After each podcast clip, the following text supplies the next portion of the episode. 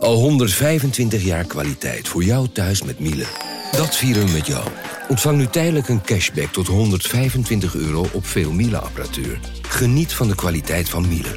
Voor perfect verzorgd wasgoed en kleding die veel langer mooi blijft. Voor een stralend schone vaat, even perfect als jouw diners. En een stofvrij thuis waarin echt hygiënisch schoon de standaard is. Check miele.nl voor alle feestelijke aanbiedingen. Hey podcastluisteraar. Ook op zoek naar een relevante invulling van je schaarse luisteruren? Tune dan in op de podcastserie ESG, even samengevat van BNP Paribas. Wij, Marloes en Aldert, spreken daar duurzame voorlopers en wereldverbeteraars. Waarover dan? Nou, bijvoorbeeld of we ooit duurzaam kunnen gaan vliegen. En waarom koeien in de stad nou een goed idee is? Dat en meer elke twee weken in een nieuwe aflevering. Dus abonneer je. ESG, even samengevat.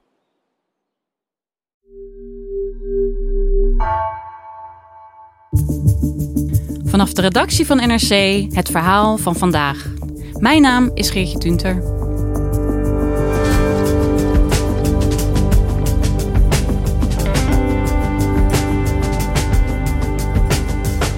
De afgelopen tien jaar stuurde Nederland zeker 16 asielzoekers terug naar Soudaan. Ondanks sterke aanwijzingen dat zij daar mogelijk gemarteld worden. NRC-redacteur Casper van Laarhoven deed hier uitgebreid onderzoek naar en spoorde vijf van hen op. Zoals de Soedanese Samuel, die in 2017 gedwongen werd uitgezet.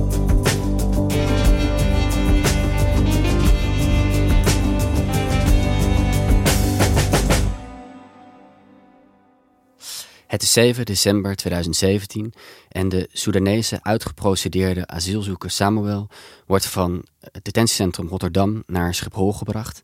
En dan wordt hij door vier marechaussees op een KLM-vliegtuig gezet. Hij stribbelt tegen, hij zegt I don't wanna go. Dat roept hij ook naar de andere passagiers die in het vliegtuig zitten. En dan binden de marechaussees hem vast in een bodycuff, een soort hedendaags dwangbuis. Benen en zijn armen wordt hij vastgebonden. En zo wordt hij via Nairobi naar Khartoum gevlogen, de hoofdstad van Soudaan. En wat gebeurt er dan met hem? Hij wordt overgedragen aan de autoriteiten daar. De marechaussees die zeggen nog tegen de autoriteiten... het is een zeer vriendelijke jongen. En dan vertrekken ze. Vervolgens wordt hij even ondervraagd daar. En dan wordt hij naar een plek gebracht die Soedanezen wel ghost houses noemen, geesthuizen. Because people disappear behind the walls and because when detainees are tortured, you can hear the screams. Het zijn huizen um, die omgebouwd zijn tot een soort kleine detentieplekken. Die heel berucht zijn omdat de Soedanese geheime dienst daar mensen ondervraagt en ook martelt. Witnesses said that protesters were beaten so badly that they could no longer walk. En daar wordt Samuel ook naartoe gebracht. En hij wordt, uh, zegt hij, gemarteld, dagenlang. Maar wordt met een uh, plastic buis geslagen. En eigenlijk gebeurt dus precies waar hij in Nederland zei, van zei dat hij er bang voor was. Wat eerdere anderen ook al is overkomen. Some told us that people's hands were broken as they attempted to fend off the blows, and that the floor was covered in blood. En Casper, wie is deze Samuel? Kan je iets meer over zijn achtergrond vertellen? Nou, het verhaal dat hij aan de IND vertelde is dat hij uit Darfur komt, dat hij uh, schaapsherder is en dat hij uh, op een gegeven moment uit zijn huis is gehaald door de Janjaweed. Um, dat is een uh, beruchte militie die verantwoordelijk is deels voor de genocide in Darfur. Uh, waar honderdduizenden mensen bij zijn omgekomen. En door hen zou hij uit zijn huis zijn gehaald, zijn vastgezet en gedwongen om voor hen samen te werken. En wat hij zegt is van, ik ben toen ontsnapt. Toen zij s'nachts dronken waren, ben ik ontsnapt. En toen heeft mijn moeder schapen verkocht. En met dat geld ben ik via Libië naar Europa gevlucht. Hij komt in 2016 in Nederland terecht. Daar vraagt hij asiel aan. Uh, de IND wijst dat verzoek af. Zij geloven verschillende dingen niet, onder andere zijn leeftijd. Uh, hij zegt zelf dat hij 17 is, maar ze vinden dat hij er ouder uitziet. Hij zegt zelf van ja, nee, ja, ik weet ook niet precies mijn leeftijd. Dat zie je vaker bij Soedanezen, ook vooral van het platteland. Dat ze, ja, die hechten niet zo'n belang aan hun leeftijd. Dus je ziet in dat dossier, en dat uh, heb ik helemaal uitgepluist, daar, daar zie je gewoon telkens verwarring ontstaan tussen uh, de IND en wat de IND verwacht van iemand die uh, uit Darfur komt. En wat deze schaapsherder, die zelf zegt: Ja, ik heb maar een paar jaar onderwijs genoten. Ik, ik, kan dit soort dingen gewoon niet zo goed analyseren. dat, dat, dat, ja, die verwarring zie je ontstaan in dat dossier. En um, waarom ben jij je nou juist in deze zaak gaan verdiepen? Ja, ik ben uh, twee jaar geleden samen met een collega, Huip de Zeel, hier aan begonnen. Wij kregen eigenlijk tegelijkertijd signalen vanuit de uh, Soedanese gemeenschap over uitgezette, uitgeprocedeerde asielzoekers uit Soedan die bij terugkeer op het vliegveld in Khartoum vastgezet, mishandeld of zelfs gemarteld zouden zijn. Nou, toen zijn wij daar ingedoken en we kwamen er eigenlijk achter dat het ongelooflijk complex was en dat er meerdere zaken lagen. Toen hebben we ook een WOP-verzoek ingediend bij de betrokken ministeries. Dat gaat om buitenlandse zaken en justitie en veiligheid. Daar hebben we duizenden documenten van gekregen, interne documentatie. Uh, daar zijn we doorheen gegaan. We hebben asieldossiers uh, achterhaald en uh, uitgeplozen. en we zijn dus op zoek gegaan naar mensen die uitgezet zijn naar Soudaan. En zo zijn we erachter gekomen dat zeker 16 Soedanezen zijn teruggestuurd. Maar Casper, als ik nadenk over Sudan, dan denk ik vooral aan Darfur, hè, die regio waar, dus, uh, waar we veel verhalen hebben gehoord over genocide, uh, of burgeroorlog, honger, verkrachting. Um, ja, is het Sudan eigenlijk wel een veilig land? Hoe kan het dat we mensen uitzetten daarnaar? Ja, dat is een goede vraag. Sudan heeft inderdaad tientallen jaren oorlog achter de rug, burgeroorlog in verschillende delen van het land, waar het regime ook uh, verantwoordelijk voor is uh, en is geweest. De oud-president Omar al-Bashir is hier ook, wordt hier ook voor vervolgd door het internationaal strafhof in Den Haag, genocide inderdaad in Darfur. Um, maar tegelijkertijd zijn er gebieden in het land, ik heb zelf in Khartoum gewoond, waar het uh, rustiger is. En dat is die redenering van de Nederlandse overheid. Khartoum, hoofdstad, daar kun je wel heen. En hoe regelt Nederland dat? Hoe, uh, uh, hoe, hoe, krijgen ze die mensen terug naar hun land van herkomst? Ja, dat, dat, dat blijkt best wel lastig. In de documenten wordt het ook wel eens een weerbarstig proces genoemd. En dat komt eigenlijk doordat de overheid van het land waar naartoe je uitzet moet meewerken. En dat zag je in uh, 2008, 2009 niet goed gaan in uh, de relatie met Soudaan. En toen heeft Nederland uh, geprobeerd ook door naar uh, Soudaan te gaan en met mensen daar te praten om Soudaan te overtuigen van werk nou toch mee met die uitzetting. Dan moet je dus wel om tafel gaan zitten met een land dat op dat moment in grote chaos verkeert ja, het is een soort duivelspact geweest met een regime dat misdadig is. En ook mensen met wie ze uh, directe betrekking hebben gehad om dit mogelijk te maken, uh, hebben een, een, een, dubieus, zo niet omstreden, zo niet misdadig uh, verleden. Een misdadig verleden, dat is nogal wat. wat. Wat voor soort partijen zijn dat waar ze dan zaken mee gedaan hebben?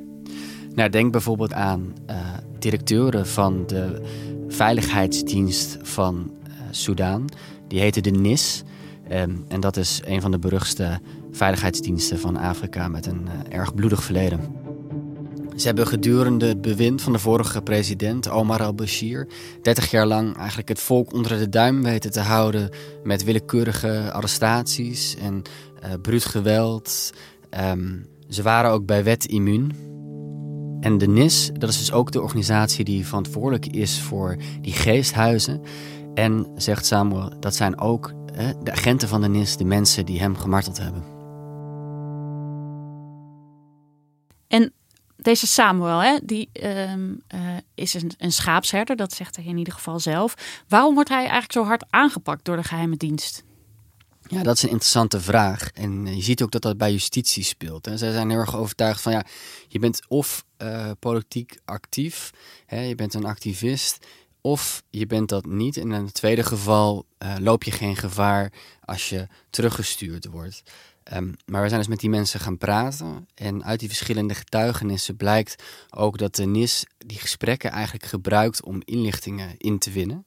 Hè, zijn vragen bijvoorbeeld: wat heb je in Nederland gedaan? Wat heb je in Nederland gezegd over het regime?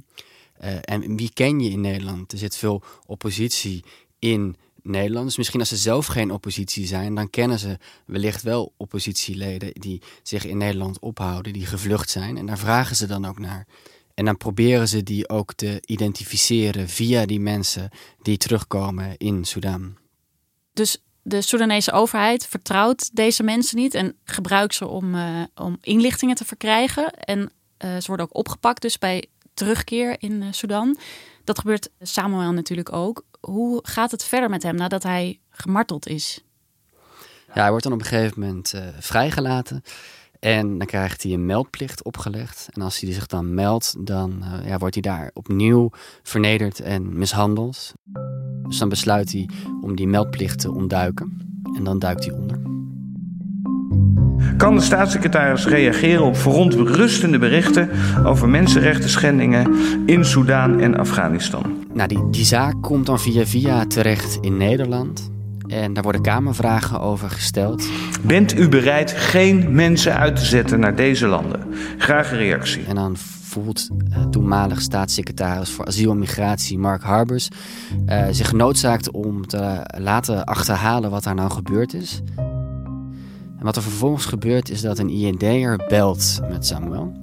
En we hebben ook de notitie van dat gesprek kunnen achterhalen. En dat is een heel uh, kort gesprek. Er wordt later ook over gemaild. Er wordt er gezegd van ja, nou het was netto misschien 10 tot 15 minuten, maar de, de verbinding verbrak de hele tijd. Dus duidelijk was het een erg rommelig gesprek. En daarin vertelt hij wat hem is overkomen. En in die notitie schrijft die IND'er dan eigenlijk ja, uh, ik geloof hem niet, want uh, hij zegt dat hij is ondergedoken en nauwelijks buiten komt. En ik hoorde hem groeten en ik hoorde mensen, ik hoorde wind.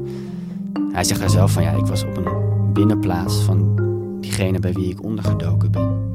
Maar voor de IND was dat voldoende om tegen Harbers te zeggen: nee, hij was ongeloofwaardig in zijn asielprocedure. Dat is hij nu weer. Ja, dus zo'n beetje zo'n rommelig gesprekje dat bepaalt dan eigenlijk dat hij opnieuw niet geloofd wordt. Ja. Maar daar blijft het niet bij, want um, Amnesty gelooft hem wel. Hij doet zijn verhaal ook bij Amnesty. En die zetten er een uh, onderzoeksinstituut op. Dat zijn medisch forensisch specialisten. En die analyseren dan foto's van de tekens die op uh, uh, Samoa zijn achtergelaten. Dat zijn een soort lange streamen eigenlijk. En zij analyseren dat en hun conclusie is... Ja, deze jongen is geslagen met een ja, lang buigzaam cilindrisch voorwerp.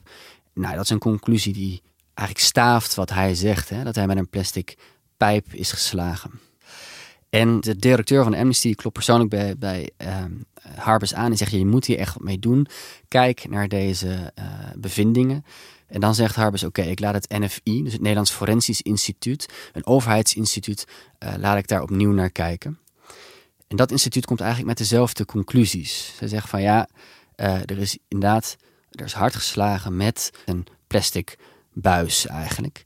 Dus dat overheidsinstituut onderschrijft die bevindingen uh, van Amnesty en legt dat ook bij Harbers neer. En wat doet Harbers daarmee met dat, uh, uh, met dat rapport van het NFI? Ja, dat wordt eigenlijk een beetje onder de tafel geschoven. De heer Van Dijk vroeg ook naar om niet meer uit te zetten naar uh, Soudaan en uh, Afghanistan. Ook daarvoor zie ik echt geen grond in deze. Harbers vindt het bewijs niet sluitend genoeg. En ja, ook voor het bredere beleid verandert er niks, want het, de marteling is niet bewezen geacht. En ik acht een algemene uitzetstop dan ook niet nodig. Dus kan er doorgegaan worden met uitzetten. Voorzitter, en daarmee meen ik alle vragen en moties van de Kamer te hebben beantwoord. Dank u wel. Dank u wel. En daarmee zijn we aan het einde. Dus Casper, nu liggen er twee rapporten um, waaruit blijkt dat er waarschijnlijk gemarteld is bij Samuel. Um, ja, niet alleen bij, bij Samuel, want er zijn ook nog eerdere. Uh, hè, in 2013 is er een zaak geweest. Um, die hebben we ook teruggevonden. Een zaak van een jongen die Ali heet. Um, en die is ook uitgezet. En bij hem is eigenlijk iets vergelijkbaars uh, gebeurd. zegt hij dus ook vastgezet tien dagen in zijn geval. Hij zegt dat hij uh, is gemarteld, onder andere met sigaretten. en hij heeft ook foto's overlegd aan de IND, waarin je zijn arm ziet met zeven brandwonden daarin. En bij hem is eigenlijk hetzelfde gebeurd. Ehm, de IND die heeft hem nog gesproken en die heeft gezegd van ja, hij was ongeloofwaardig in zijn asielzaak. Nu zitten er weer wat uh, warrigheden in zijn verhaal.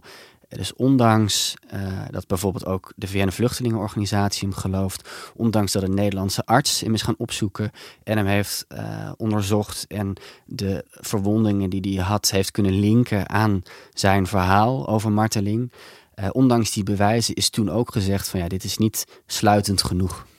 Dat is echt een hele stapel aan bewijzen die daar verzameld is.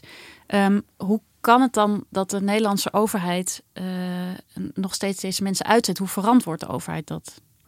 Nou, volgens, uh, we hebben die vraag natuurlijk neergelegd bij justitie en zij zeggen van ja, het land is veilig genoeg. Die delen waarna we uitzetten. En dat baseren ze dan uh, op een landenbericht. Dat is wat Buitenlandse Zaken maakt. Die maakt elke twee jaar een soort expertisebericht over Soudaan. En dan nemen ze heel veel informatie nemen ze mee. Dat verzamelen ze.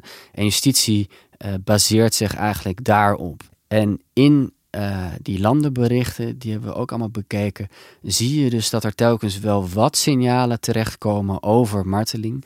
Maar in die verzamelde berichten krijgt dat nooit een soort van definitieve lading. Dus het is eigenlijk een soort visieuze cirkel. Justitie erkent een marteling niet. BZ neemt dat niet op uh, in het landenbericht. En justitie gebruikt dat dan vervolgens om te kunnen zeggen van ja, nou ja, hè, er is geen bewijs van marteling in het landenbericht. Dus we kunnen doorgaan met uitzettingen. Ja, zo kunnen al die uh, organisaties, instanties naar elkaar wijzen eigenlijk. Ja, in zekere zin wel. En wat eigenlijk nog belangrijker is om te noemen, is dat um, de IND degene is, en dat vind ik opvallend, die dan met Ali en met Samuel belt. Mm -hmm. um, en dat is opvallend omdat de IND ook degene is die hun asielverzoeken heeft afgewezen. Dus de reden dat zij uitgezet zijn, is dat de IND hen afgewezen heeft. En dan moet diezelfde organisatie gaan beoordelen of die uitzetting tot marteling heeft geleid. Ja, dus dat is het spreekwoordelijk de slager die zijn eigen vlees keurt. Precies. Ja, dus die uitzettingen die kunnen eigenlijk gewoon doorgaan. Er kunnen weer nieuwe Samuels um, komen. Ja, de afgelopen twee jaar is er niemand uitgezet. Maar dat heeft uh, te maken met corona. Dat heeft te maken met uh, de politieke onrust die er is geweest in Sudaan. Dat heeft er niet mee te maken dat het beleid gewijzigd is. En over Samuel gesproken, hoe gaat het op dit moment met hem? Ja, hij bevindt zich op een plek waarvan ik niet kan zeggen uh, uh, welke dat is. Dat heb je eigenlijk bij.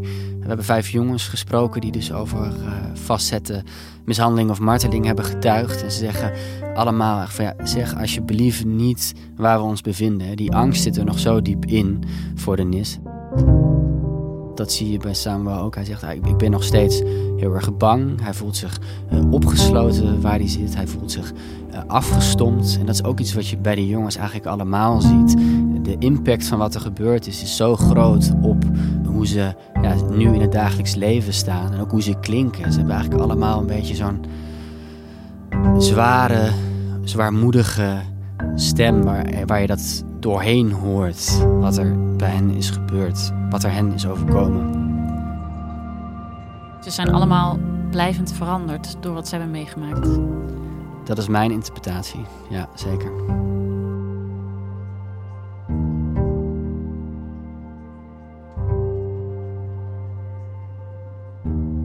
Dankjewel, Casper. Graag gedaan.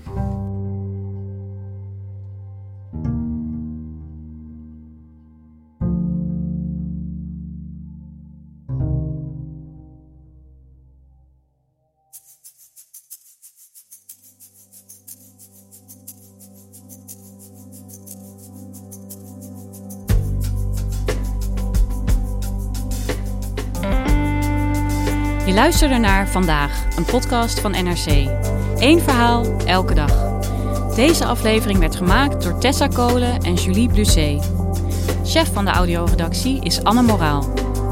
Ken je onze NRC Audio-app trouwens al? Hierin luister je niet alleen naar Vandaag, maar helpen we je ook andere podcasts te ontdekken. Dit was Vandaag, morgen weer.